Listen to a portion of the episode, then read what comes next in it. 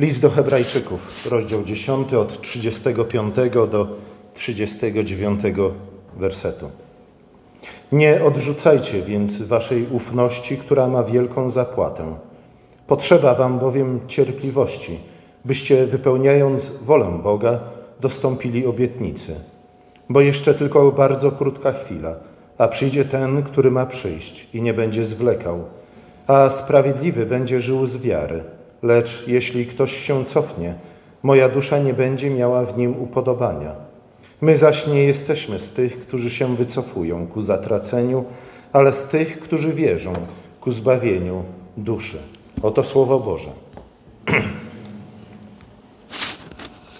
Jak dowiadujemy się z poprzedniego fragmentu listu do Hebrajczyków, już wcześniej adresaci tego listu spotkali się z prześladowaniami ze względu na Ewangelię. Autor określa te prześladowania jako wielką nawałę cierpień. W rozwinięciu wyjaśnia, że chodziło o ostracyzm, o więzienie, a nawet o konfiskatę majątku. Prześladowania na chwilę odeszły w przeszłość, ale jak autor stwierdza, czekają ich również w przyszłości. Dlatego z jednej strony autor przypomina i chwali ich za wcześniejszą wytrwałość, za wcześniejszą wierność, ale z drugiej strony wzywa ich do tego, aby trwali w tej wierności, aby dokończyli to, co rozpoczęli. Bo jeśli nie dokończą to, co rozpoczęli, to tak naprawdę na darmo cokolwiek rozpoczynali. Dlatego z jednej strony przypomina i chwali, a z drugiej strony wzywa do wytrwania.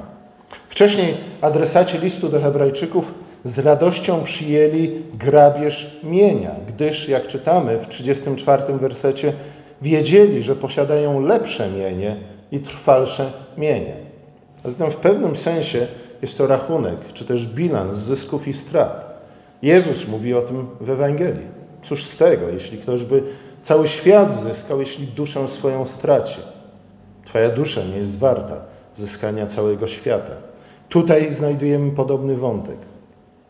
Często musimy podejmować decyzje w naszym życiu właśnie w oparciu o to, co przyniesie nam lepszą korzyść, a tak naprawdę, co przyniesie nam trwałą i wieczną korzyść. Tym bardziej, pisze autor, teraz nie powinni poddawać się, rezygnować z tego wszystkiego, co już osiągnęli, gdyż wtedy wszelkie wcześniejsze starania poszłyby na marne. Byliby jak ci Hebrajczycy, którzy co prawda wyszli z Egiptu, byli świadkami wielkich dzieł Pana, jedli pokarm duchowy, pili napój duchowy, ale jednak odstąpili, porzucili swoją wiarę i ich ciała zaległe pustynią. To było jednak kiedyś, w przeszłości, kiedy ich wiara, wiara adres, adresatów listu do Hebrajczyków była młoda i śmiała. Słuchajcie, często tak jest, że młoda wiara jest śmiałą wiarą, nie liczy się z żadnymi okolicznościami, nie liczy się z ceną, jaką przyjdzie za, za nią zapłacić, wręcz często prowokuje prześladowania, do czego pismo nas za bardzo nie zachęca. Ale taka jest młoda wiara. Jest entuzjastyczna, jest śmiała, przy okazji trochę głupawa. Ale autor mówi: Słuchajcie, to, co złe było w waszej młodej wierze, może porzućcie, wyrośnijcie z tego, ale zachowajcie to, co było w niej dobre. Świeżość wiary, świeżość przekonań zawsze czyni nas ludźmi gotowymi i chętnymi, aby stawić czoła wszelkiego rodzaju przeciwnościom i zapłacić każdą cenę za nasze przekonania. Z czasem jednak to mija. Zawsze to mija. U każdej osoby to mija. Mija z różnych powodów. I tu pewnie warto było zajrzeć do przypowieści Jezusa z Ewangelii o czworakiej roli. Powody są różne. Czasami wystarcza normalne życie, żeby nasz pierwotny entuzjazm obumarł. Czasami jest to dążenie właśnie do zdobycia świata, żeby nasza pierwotna wiara, jej entuzjazm obumarł. Czasami, kiedy przychodzą prześladowania, ta pierwotna wiara umiera. Czasami jednak ten pierwotny entuzjazm mija, ponieważ sądzimy, że nasze pierwsze boje wiary będą ostatnimi. Albo czasami nam się wydaje, że będziemy niezwyciężeni, nieprzemakalni, że nic nie będzie w stanie się nam oprzeć i przeciwstawić, że przezwyciężymy wszystko bez większego wysiłku. Zapał pierwszych dni w końcu mija z różnych powodów. Życie wraca na swoje tory. Trzeba zająć się pracą, codziennymi obowiązkami, które już nie noszą w sobie tak wiele oczywistego heroizmu, do którego młoda wiara tak bardzo dąży. Magia życia z Jezusem jakby zanika. Bo gdzie jest magia życia z Jezusem, kiedy trzeba zmieniać pieluchy? Ale pamiętajmy, o czym mówił Luter. Słuchajcie, mało jest rzeczy, z których Bóg się bardziej cieszy, niż ojciec zmieniający pieluchy swojemu niemowlakowi. Nie, to jest życie wiarą. Słuchajcie, to jest tak naprawdę reformacyjny etos. Tak powinniśmy myśleć o naszym życiu. Wtedy przychodzi druga próba wiary, kiedy ta pierwotna magia z życia z Jezusem jakby zanika. Być może pojawiają się też jakieś prześladowania, być może jakiś opór dla naszej wiary. Słuchajcie, okazuje się, że Kościół na ziemi rzeczywiście jest Kościół wojujący. Chociaż tutaj pewnie warto byłoby się zastanowić nad tym, w jaki sposób Kościół tak naprawdę wojuje i przeciwko czemu wojuje. Kim są jego prawdziwi wrogowie? W jaki sposób z nimi walczyć? Autor listu wysuwa stąd wzywa, dlatego też adresatów listu by nie porzucali swojej śmiałości, pewności, ufności, odwagi, nadziei. Słuchajcie, kiedy otworzycie różne tłumaczenia Pisma Świętego, znajdziecie tam wiele różnych słów. Greckie paresja bardzo trudno jednoznacznie przełożyć na język polski. Być może śmiałość jest tutaj najlepszym tłumaczeniem. Autor mówi: Nie porzucajcie swojej śmiałości ze względu na czekającą Was nagrodę. I wcześniej autor posłużył się tym samym słowem, pisząc: Mając więc bracia ufność, czyli śmiałość, iż przez krew Jezusa Chrystusa mamy wstęp do świątyni.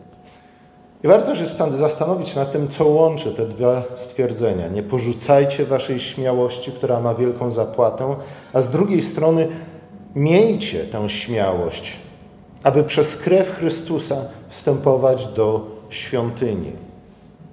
O co tutaj chodzi? Słuchajcie, tak jak wielokrotnie wyjaśniałem, objaśniałem na kazaniach i na godzinach biblijnych, to jest jedna z tych cudownych, wspaniałych rzeczy, które Chrystus dla nas dokonał, iż możemy stawać bezpośrednio, każdy z nas, my razem jako Kościół, przed Bogiem, przed Jego tronem łaski. Co w Starym Przymierzu mógł czynić raz w roku tylko jeden człowiek, arcykapłan? My nie mamy żadnych takich ograniczeń.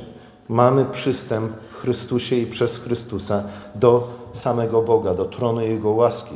Stąd też ta śmiałość. Dlatego tym bardziej powinniśmy prosić, przychodzić do Boga i prosić Go o to, aby On umacniał naszą wiarę.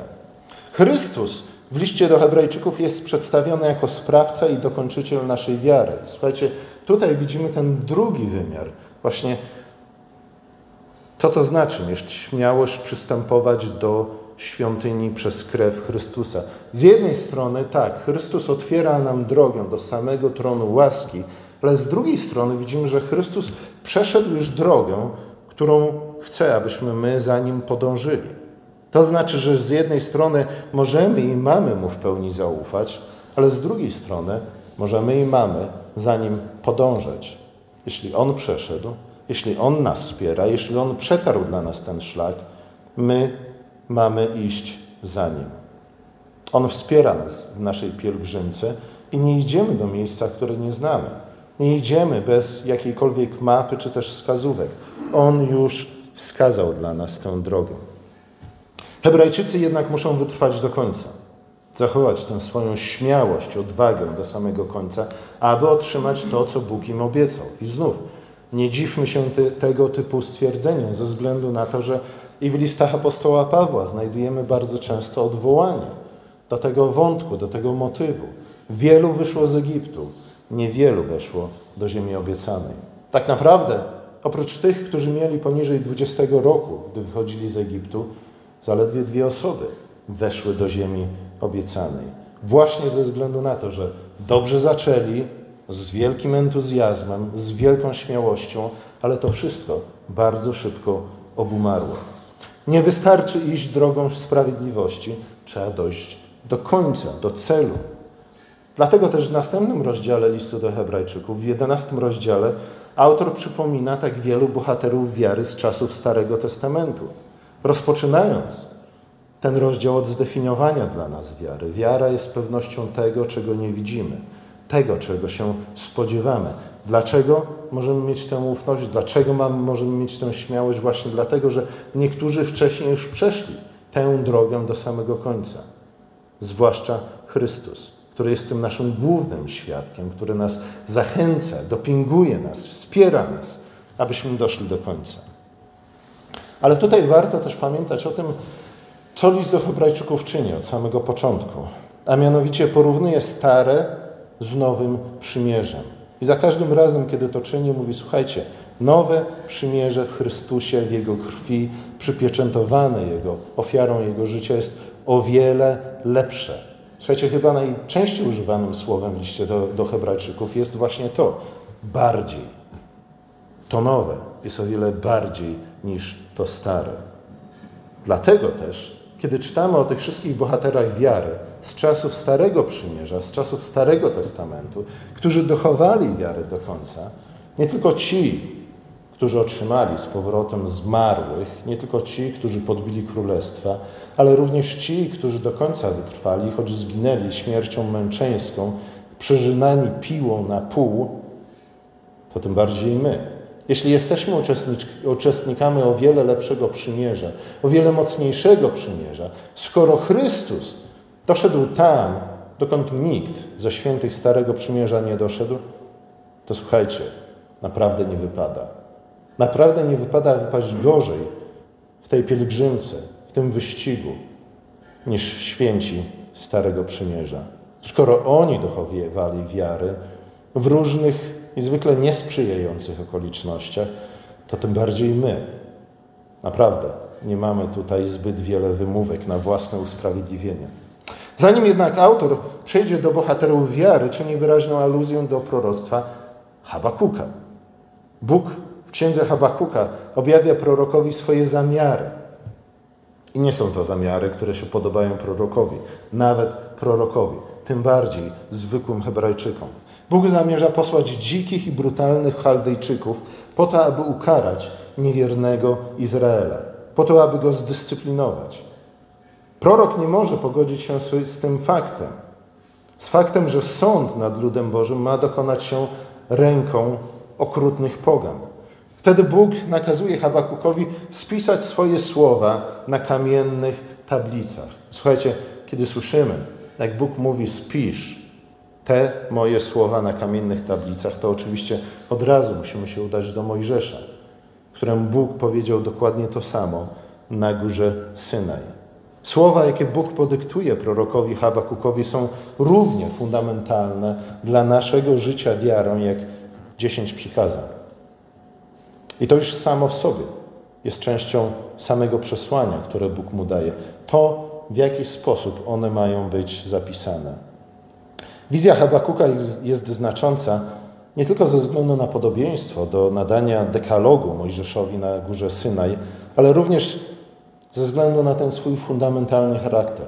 To, co Bóg za chwilę powie prorokowi, jest niezbędne i konieczne do tego, aby lud Boży wytrwał do końca w wierze i w sprawiedliwości. A są to słowa, które powinny być dla nas zwłaszcza protestantów, bardzo dobrze znane. Sprawiedliwy z wiary żyć będzie. Trzykrotnie Nowy Testament przypomina nam te słowa. List do Rzymian, list do Galacjan i teraz tutaj w liście do Hebrajczyków. Wiara jest w tym przypadku zaufaniem Bogu i poleganiem na Bogu.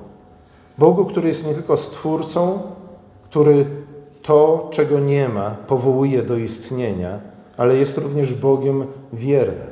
Bogiem, który dochowuje wierności do swojemu ludowi, Bogiem, który prowadzi nas do samego końca. Bogiem, który nas doświadcza, ale jeśli to czyni, to czyni to dla naszego dobra, po to, aby wzmocnić naszą wiarę, po to, abyśmy nie ustali, po to, abyśmy nie zrezygnowali z tego biegu. Ostatecznym dowodem Bożego miłosierdzia i Jego wierności jest oczywiście Chrystus ukrzyżowany, o którym autor listu do Hebrajczyków bardzo wiele mówi.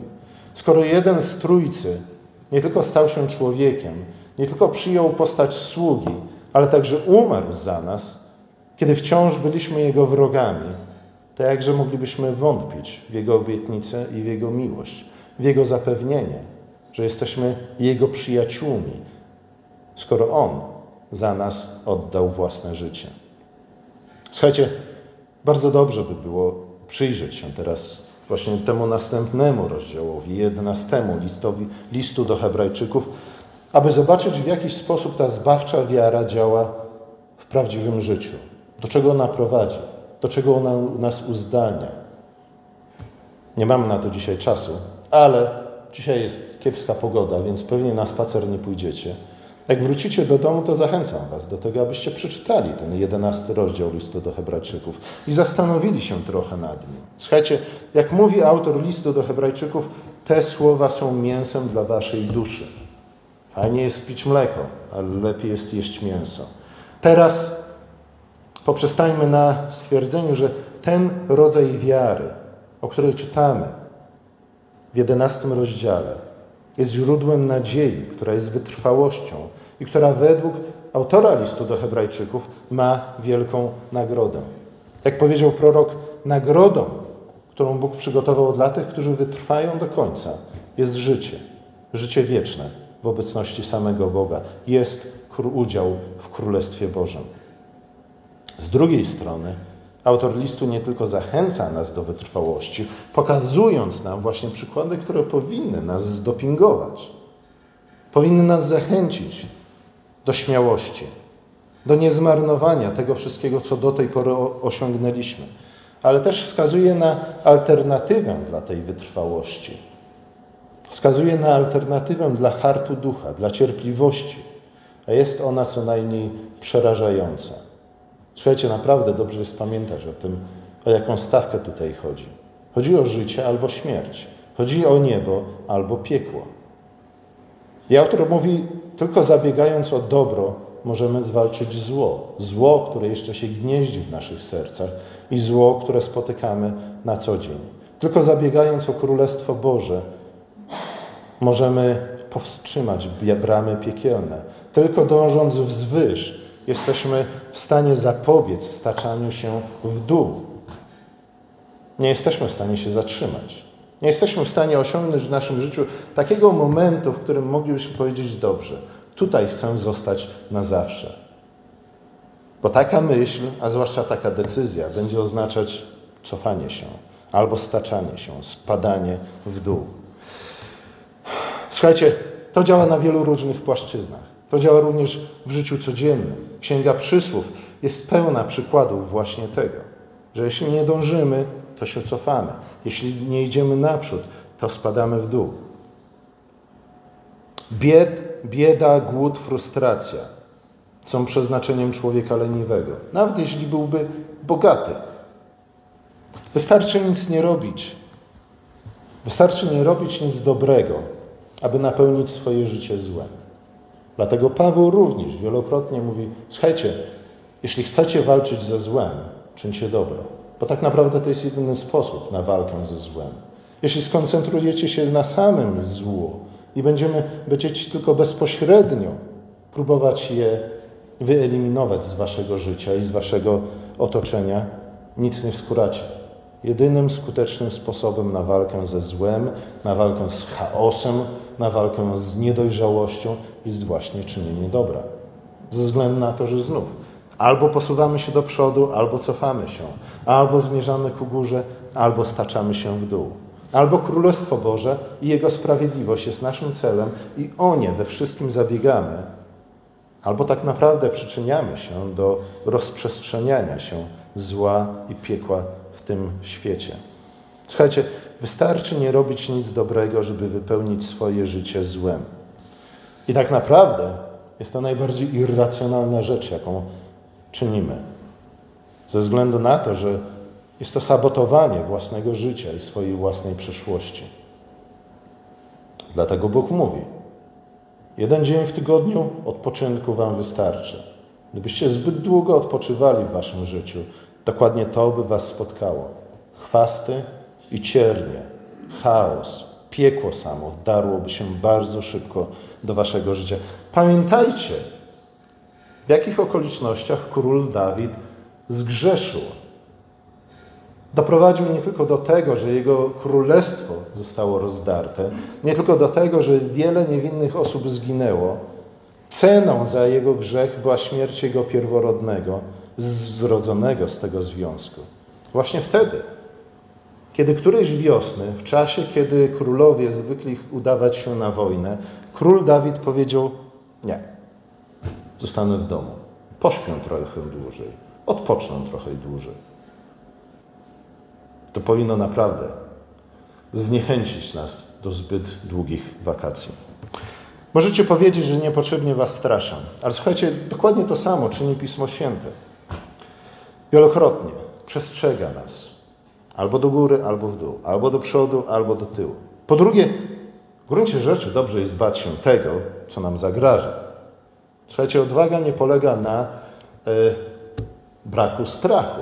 Nie? Odwaga polega na zmierzeniem się ze swoimi strachami, albo zmierzeniem się z tym, co napawa nas strachem, z, prze, z przezwyciężeniem tego. Człowiek, który się niczego nie boi, jest typem maniakalnym, który jest hiperoptymistyczny. I w związku na, ze względu na ten swój hiperoptymizm czyni bardzo złego w swoim życiu i w życiu swoich bliskich. Słuchajcie, Możecie się ze mną nie zgodzić. Ale chyba nie wyniknęło w naszym w historii tego świata więcej złego niż właśnie z takiego optymizmu, głupiego optymizmu.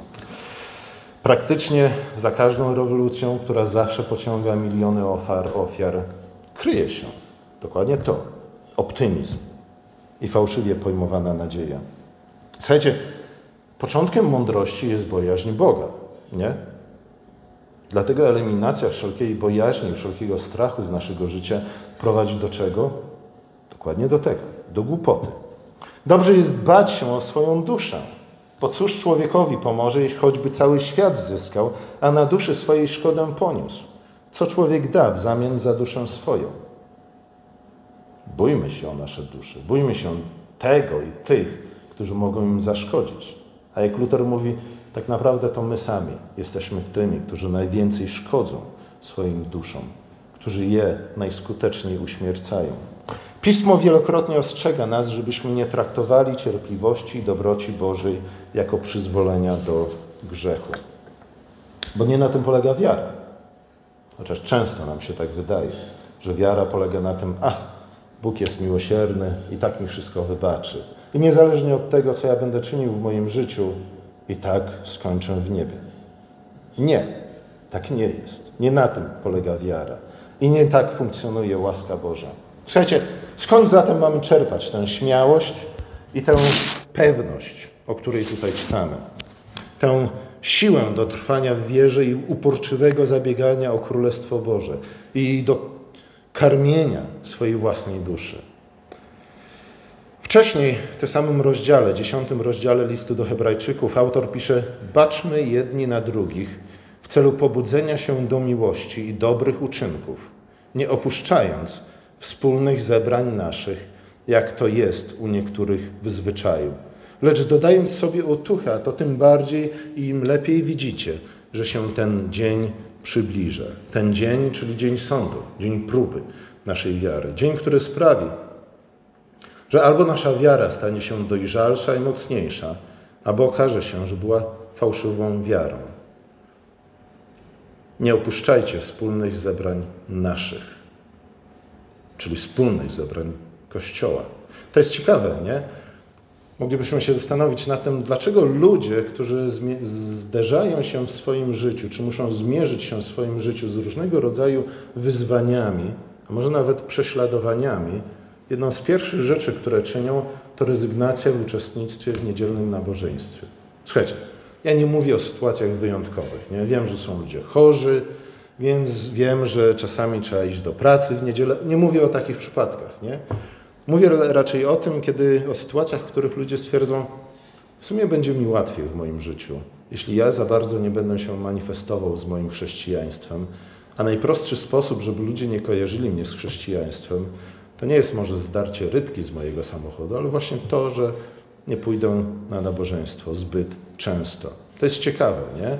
W jaki sposób często reagujemy na wyzwania, jakie się pojawiają w naszym życiu. W jaki sposób, po jaki pierwszy sposób sięgamy na poprawę naszego losu. A, nie pójdę dzisiaj do kościoła. A może za niedzielę też. A może, może tylko Boże Narodzenie i na święta Wielkanocy. Słuchajcie, naprawdę w tym względzie nie, wystarczy już. Autor listu stwierdza nie tylko, że sam Chrystus zasiada po prawicy Ojca i wstawia się za nami na mocy przymierza przypieczętowanego Jego własną krwią. Dodaje również, że w Nim i przez Niego, w Chrystusie i przez Chrystusa, również my, jako zgromadzenie wiernych, mamy przywilej przystępowania do tronu łaski Bożej. Dwunasty rozdział dokładnie o tym mówi. Słuchajcie, to się dzieje za każdym razem, kiedy my jako Kościół gromadzimy się na słuchanie słowa i spożywanie chleba i wina. Przystępujemy do tronu łaski Bożej. Zatem uczestniczymy w czymś, w czym w Starym Przymierzu mógł uczestniczyć tylko jeden człowiek, arcykapłan, i to tylko raz w roku. Jezus mówi, spójrzcie, jak, wielkim jak wielki przywilej otrzymaliście. Czy jesteście świadomi, w czym uczestniczycie. Korzystajmy z tego przywileju.